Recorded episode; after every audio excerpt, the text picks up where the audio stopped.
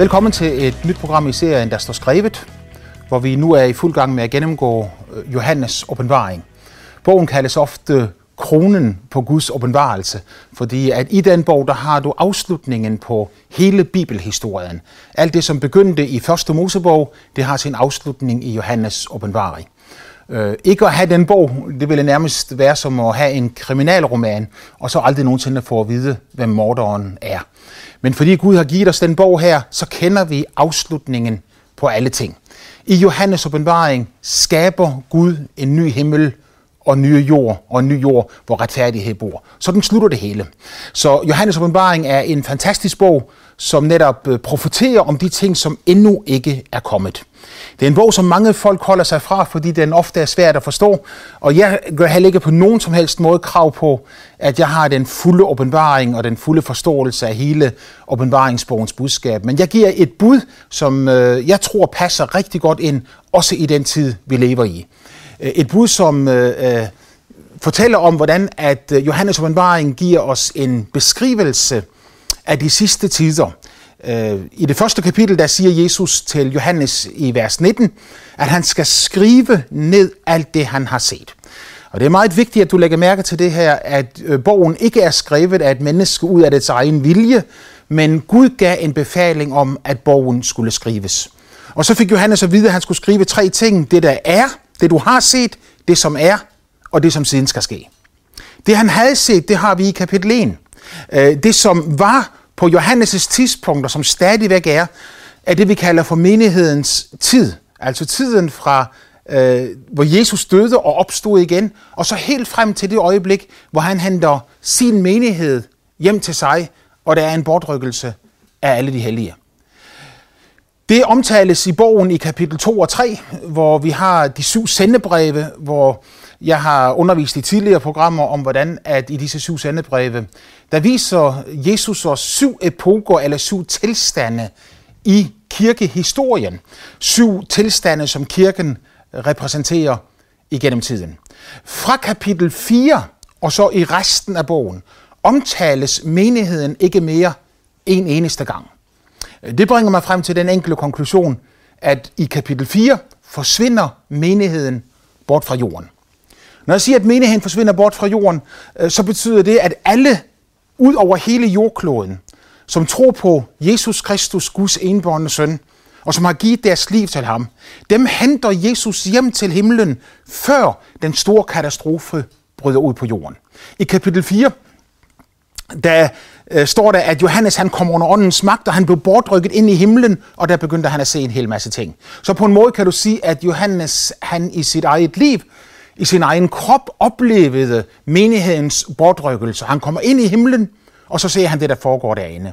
Det han så ser i himlen i kapitel øh, 4 og i kapitel 5, øh, er hvordan at centrum i himlen, der er Guds trone. Og at lige foran tronen står der et lam ligesom slagtet, som alle tilbeder. Alle i himlen tilbeder Gud og tilbeder lammet. Lammet, som er Jesus Kristus, han som gav sit liv for mennesket for næsten 2000 år siden på Golgata Kors. Du ser, hvordan hele skabningen, alle englene, øh, de mennesker, som er i himlen, repræsenteret ved 24 ældste, hvordan disse mennesker alle sammen er optaget med at tilbede Gud og give ham æren, fordi han har skabt alle ting, og de blev til og blev skabt, fordi det var hans vilje, siger Johannes åbenbaring udtrykkeligt. Så Gud har en plan.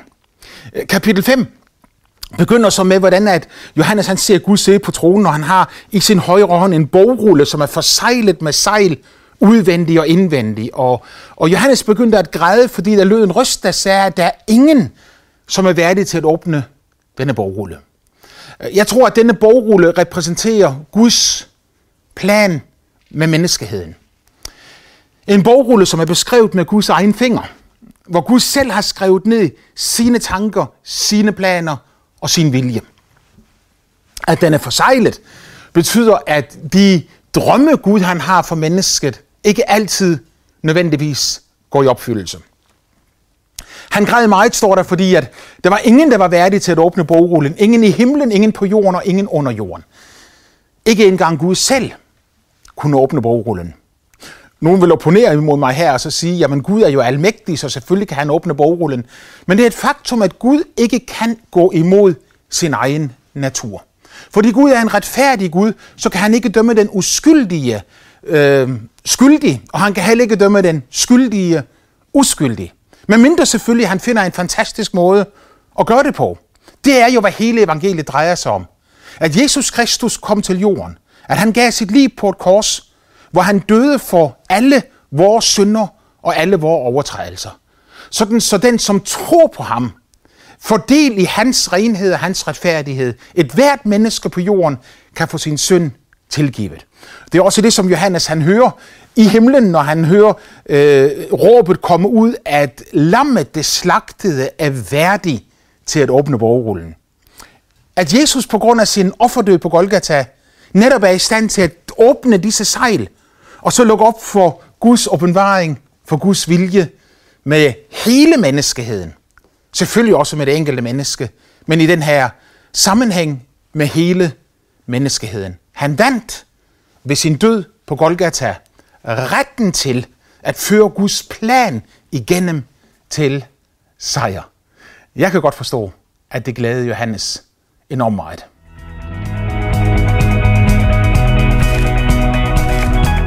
Når vi så kommer her til kapitel 6, så ser vi, hvordan lammet begynder at åbne bogrullen. Jeg tror, der er en nøje sammenhæng tilbage til det femte kapitel, som afslutter med et enormt crescendo af lovprisning og tilbedelse, ophøjelse af Gud den Almægtige, hvor enhver skabning i himlen, på jorden og under jorden er optaget med at tilbede Gud. Når mennesket kommer ind i den rette stilling foran Gud, og begynder at ære ham som skaberen af alle ting, begynder at ære ham som den Gud, han i sandhed er, så begynder Guds plan at gå i opfyldelse. Jeg synes jo, det er enormt spændende at lægge mærke til, at der netop er sådan et samarbejde her. At Gud ønsker, at hans vilje skal ske. Ellers ville han jo ikke have skrevet det ned i en bog.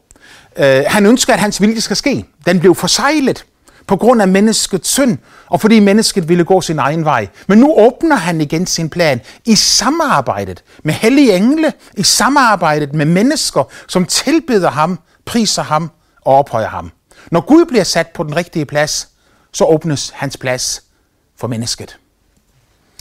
Guds plads åbnes for mennesket, for det enkelte. Det vil sige, at det enkelte menneske i sit eget liv må lov til at opleve, Guds vilje begynder at udfolde sig, øh, når mennesket kommer ind i den rette stilling foran Gud, og begynder at tilbede ham som skaberen, herren, frelseren, mesteren over alle ting.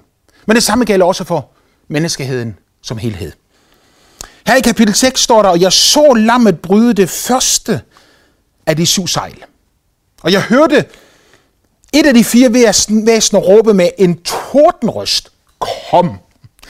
Øh, altså ser du her, hvordan at når Gud begynder at åbne sin plan og sin vilje i himlen, så udgår der en befaling fra universets centrum, som har indflydelse på de ting, som sker på jorden.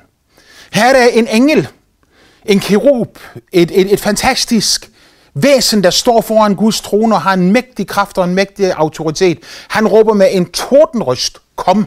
Og i det øjeblik, han råber det, øh, der så Johannes en hvid hest, og han så ham, der sag på den, fik en bue, og en sejrskrans blev givet ham, og han drog ud fra sejr til sejr. Det er alt, hvad vi får at vide om denne hest, den hvide hest, og rytteren på denne hest. Hvem han er, det har man diskuteret rigtig meget frem og tilbage.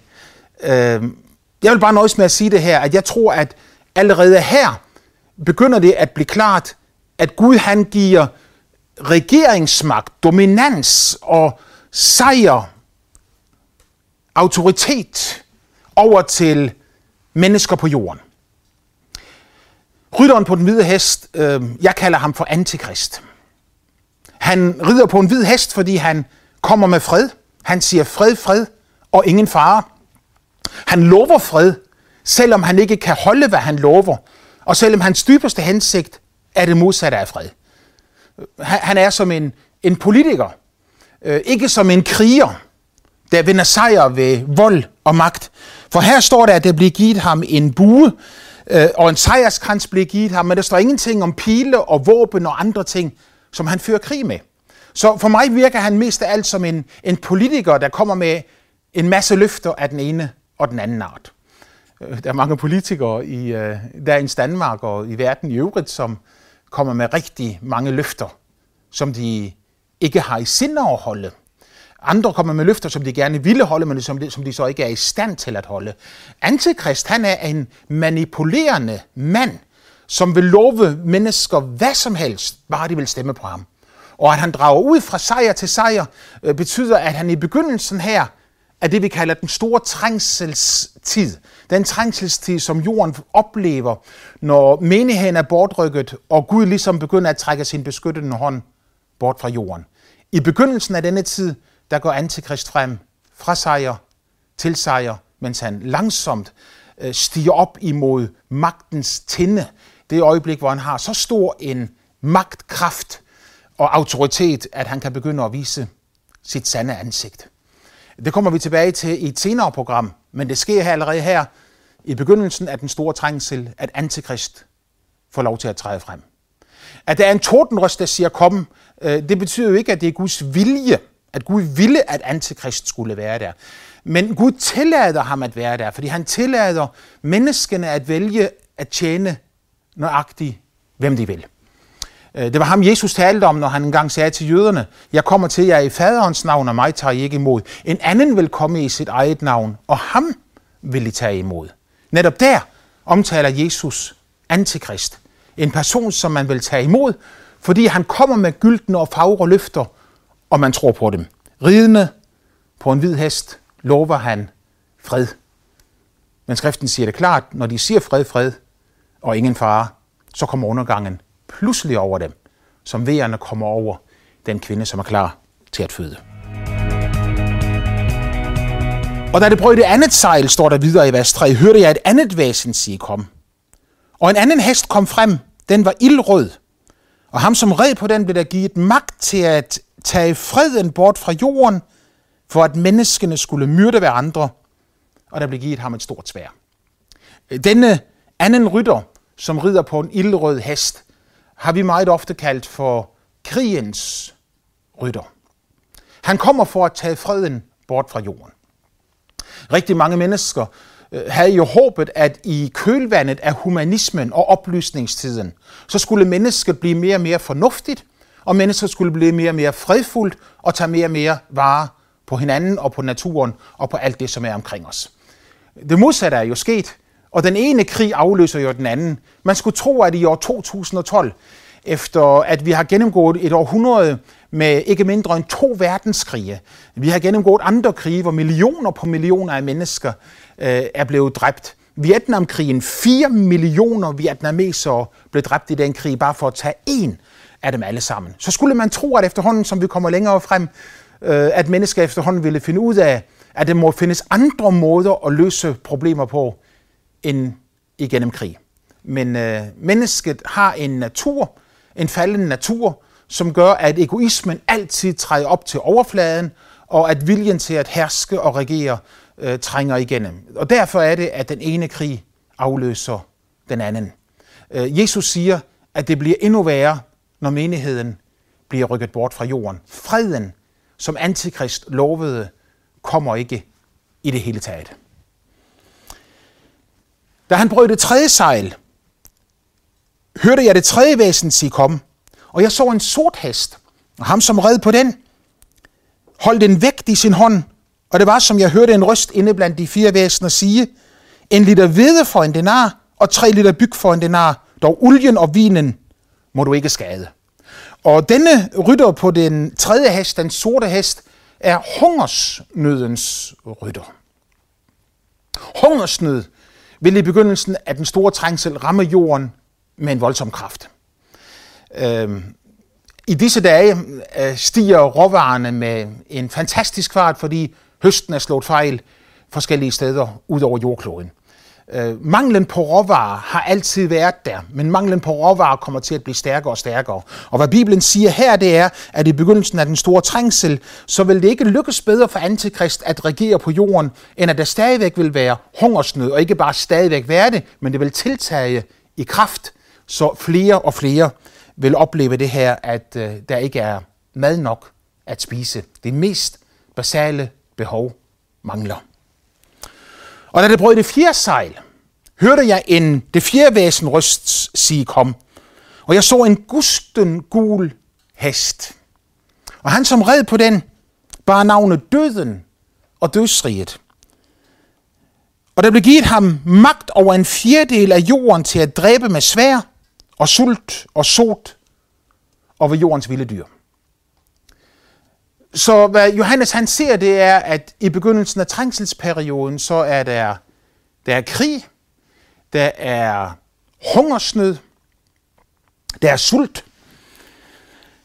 Og så ser han her, hvordan en gusten gul hest rider frem, og døden og dødsriget er hans følgesvend. Og han siger, at, at der vil være så mange mennesker, som oplever død i begyndelsen af denne periode, øh, at de vil blive dræbt med svær sult, sot over jordens vilde dyr, altså at det vil være naturkatastrofer, at det vil være sultkatastrofer, at det vil være krig. Og han siger her, at en fjerdedel af jorden vil dø. Øh, tallet er så voldsomt og svimlende, at man, at man, at man tager sig til hovedet. Øh, 6 milliarder mennesker lever der på jorden i dag, og en fjerdedel af 6 milliarder mennesker, det er omkring 1 og en halv milliard mennesker. Du siger til mig, er det virkelig Guds vilje, at det skal ske? Og mit svar er øjeblikkeligt og bestemt og klart og tydeligt, nej, det er ikke Guds vilje. For Gud er lys, der er intet mørke i ham. Gud er kærlighed. Der er ingen ondskab i ham. Øh, og Bibelens forfatter siger det utryggeligt til os, at vi skal ikke tage fejl, fordi fra Gud kommer der kun gode og fuldkommende gaver ned. Men her har du resultatet af mennesket, som har vendt ryggen til Gud. Nu smager mennesket medicinen af at vælge mørket frem for lyset. Af at fravælge sandhed, retfærdighed, og i stedet for vælge at gå sine egne veje og gøre sine egne ting. Og satse på egoismen og satse på kærligheden til selvet, i stedet for det, som mennesket er skabt til, nemlig at elske Gud af hele sin sjæl og hele sit hjerte og al sin styrke og al sin kraft. Så en fjerdedel af jordens befolkning vil simpelthen lide døden. Det sker selvfølgelig ikke hen over natten. Øh, når han taler om disse sejl, der bliver brudt, så er det ikke nødvendigvis i, i, i følgende rækkefølge, sådan, så det, det, det ene sejl bliver brudt efter det andet, men det kan lige så godt være oven på hinanden, så øh, det sker hulter til bulter, men det er som en, der betragter øh, øh, et, et scenarie, og så begynder han at beskrive lidt her, han begynder at beskrive lidt der, han begynder at beskrive lidt der, men det kan godt ske stort set samtidig øh, mellem hinanden, i stedet for i en bestemt rækkefølge. I vers 9 står der, at lammet bryder det femte sejl. Det er stadigvæk i himlen. Det, bliver, det, det sker, det er stadigvæk i himlen, befalingerne udgår fra. Det, der sker på jorden, har sin oprindelse i himlen. Og da det brød det femte sejl, så jeg nedenunder alderet deres sjæle, som var myrdet for Guds ords skyld, og for det vindesbyrds skyld, som de holdt fast ved. Så her har du altså mennesker, som er blevet dræbt ganske enkelt, fordi de tror på Jesus. Øh, jeg ved ikke, om du er klar over det, men øh, i dag, i år 2012, er der tusindvis af mennesker ud over vores jord, som hvert eneste år bliver slået ihjel, udelukkende, fordi de elsker Jesus. Det sker i muslimske lande, det sker i, øh, i, i andre lande rundt om også, men, men primært i muslimske lande. Øh, også i Nordkorea, som jo netop er et ateistisk land, er kristne indespærret og kristne dør i tusindvis hvad det eneste år, ganske enkelt fordi de ikke vil fornægte Jesus Kristus. Jeg hørte om en, en øh, gruppe muslimer, som i øh, Mozambique for øh, nyligt, øh, det var i fjor, øh, dræbte lederen for en lokal menighed. Øh, først så skar de tungen ud af hans mund, for at han aldrig mere kunne sige til dem, at Jesus elsker jer. De skar armene af ham, for at han ikke længere kunne række hænderne ud imod dem. De skar benene af ham, for at han ikke længere kunne gå fra det ene sted til det andet. Og til allersidst så skar de hovedet af ham, sådan så det var slut for altid. Det, der skete bagefter, var, at en, en gruppe på en 10-15 stykker af denne mands venner netop kom hen til disse muslimer og sagde til dem, uanset hvad jeg har gjort med ham, og uanset om vi vil gøre det samme med os også, så må vi fortsætte med at fortælle, at der findes en Gud, som elsker jer. Der findes en Gud, som kun vil jer det godt, og som har bevist det ved, at han gav sin egen søn, Jesus Kristus, og offrede ham som et sonoffer på et kors for næsten 2000 år siden. Men når mennesket møder kærlighed med vold, og når mennesket møder øh, forsøget på at for, formidle budskabet fra Gud med et raseri, som ikke er af denne verden, så er resultatet, at den ene efter den anden må lide døden for Jesus skyld. Øh, det er utroligt, hvad mennesket kan tolerere. Øh, alt muligt mellem himmel og jord. Forfald i det etiske, moralske område vil det humanistiske menneske tolerere. Det virker på mig som om det eneste, man ikke vil tolerere, det er, når mennesker stiller sig op og så siger, at Bibelen er sandhed, at Jesus Kristus er Guds søn, at lys stadigvæk er lys, at mørke stadigvæk er mørke, mørke og at et hvert menneske stadigvæk skal aflægge regnskab for sine overtrædelser og for alt det, der går forkert. Hvis man står på Bibelens og sandhedens grund, så siger Bibelen selv, at man, næsten, at man ikke kan undgå at blive forfulgt. Her i begyndelsen af trængselstiden vil tusinder på tusinder, for ikke at sige millioner af mennesker faktisk lide døden. Ganske enkelt, fordi de nægter at fornægte Jesus Kristus, som døde for dem på Golgata Kors. De vil lige døden, og hvad han ser her, det er, at deres sjæle, selvom deres læme er døde, så lever deres sjæle videre, og de er inde foran Guds trone i himlen. De råbte med høj røst og sagde, hvor længe her er du hellig og sandro, vil du tøve med at dømme og hævne vort blod på dem, der bor på jorden. Og hver af dem blev der givet en lang hvid klædning. Og der blev sagt til dem, at de skulle hvile endnu en liden stund, indtil tallet blev fuldt på deres medtjener og deres brødre, der skulle ihjelslås, ligesom de. Du spørger, hvordan kan Gud tillade, at hans tjenere bliver slået ihjel? Men sandheden er, at Gud han tillader det. Gud tillod også, at hans egen søn blev dræbt. Da Jesus han hang på korset, gik de rundt foran korset og hånede og spottede ham og sagde, Hø, du som frelser andre, frels nu dig selv, så vil vi tro på dig. Men selvfølgelig kunne Jesus ikke frelse sig selv. Det vil sige, han kunne gøre det. Men hvis han havde gjort det, så kunne han ikke frelse os. Så ville han ikke have været lammet, det slagtede, der var værdig til at åbne bogrullen og udbrede Guds plan for os, så vi kunne se afslutningen komme. Den afslutning, hvor Gud han opretter sit fredsrige, og hvor han skaber en ny himmel og en ny jord.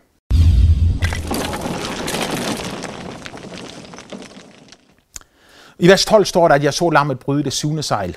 Undskyld, det sjette sejl. Jeg så lammet bryde det sjette sejl. Der kom der et jordskælv, og solen blev sort som en sørgedragt. Månen blev som blod. Himlens stjerner faldt ned på jorden, som når et fintræ kaster sine umodne finer, når det rystes af en stærk storm. Og himlen forsvandt som en bogrulle, der rullede sammen, og alle bjerge og alle øer flyttes fra deres plads.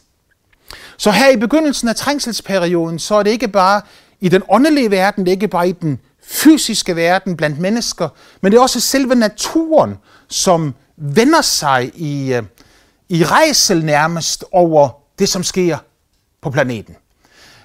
Det samme skete jo dengang, da Jesus han øh, døde på Golgata Kors. At i samme øjeblik, som han opgav ånden, så siger min bibel, at jorden skælvede, klipperne revnede. Så i samme øjeblik, som Jesus opgav ånden, og han døde, så reagerede hele naturen, som jo er under forbandelse på grund af menneskets synd, den reagerede på hans død ved at ryste og skælve. Hos profeten Esajas i det 24. kapitel, øh, der står der, at Herren gør jorden øde og tom. Øh, og her har du igen det her mærkelige øh, forhold imellem, hvad er det Gud gør, hvad er det mennesker gør, for, for skriften siger jo, at det er Herren, der gør jorden øde og tom. Men hvis du går bare et par vers længere ned, nemlig til vers øh, 4 og 5 og 6, så står der der, at jorden blegner og sejner, jorderig syner og sejner, jordens højder syner hen. Vandhallig blev jorden under dem, som bor på den. For lovene krænkede de, overtrådte budet og brød den evige pagt. Det var altså de, der boede på jorden, menneskene, dig og mig, som har nægtet at tage vare på det, som Gud har givet os. Og så behandler det, udnytter det til vores egen fordel, i stedet for at tilbede Gud igennem det alt sammen. Og så siger han i vers 6, derfor fortager forbanden til jorden, og bøde må de, som bor der. Derfor svides jordens beboere bort, kun få af de dødelige levnes. Altså ikke fordi Gud ønskede, at det skulle være sådan, men som en konsekvens af synden i verden og menneskets ondskab.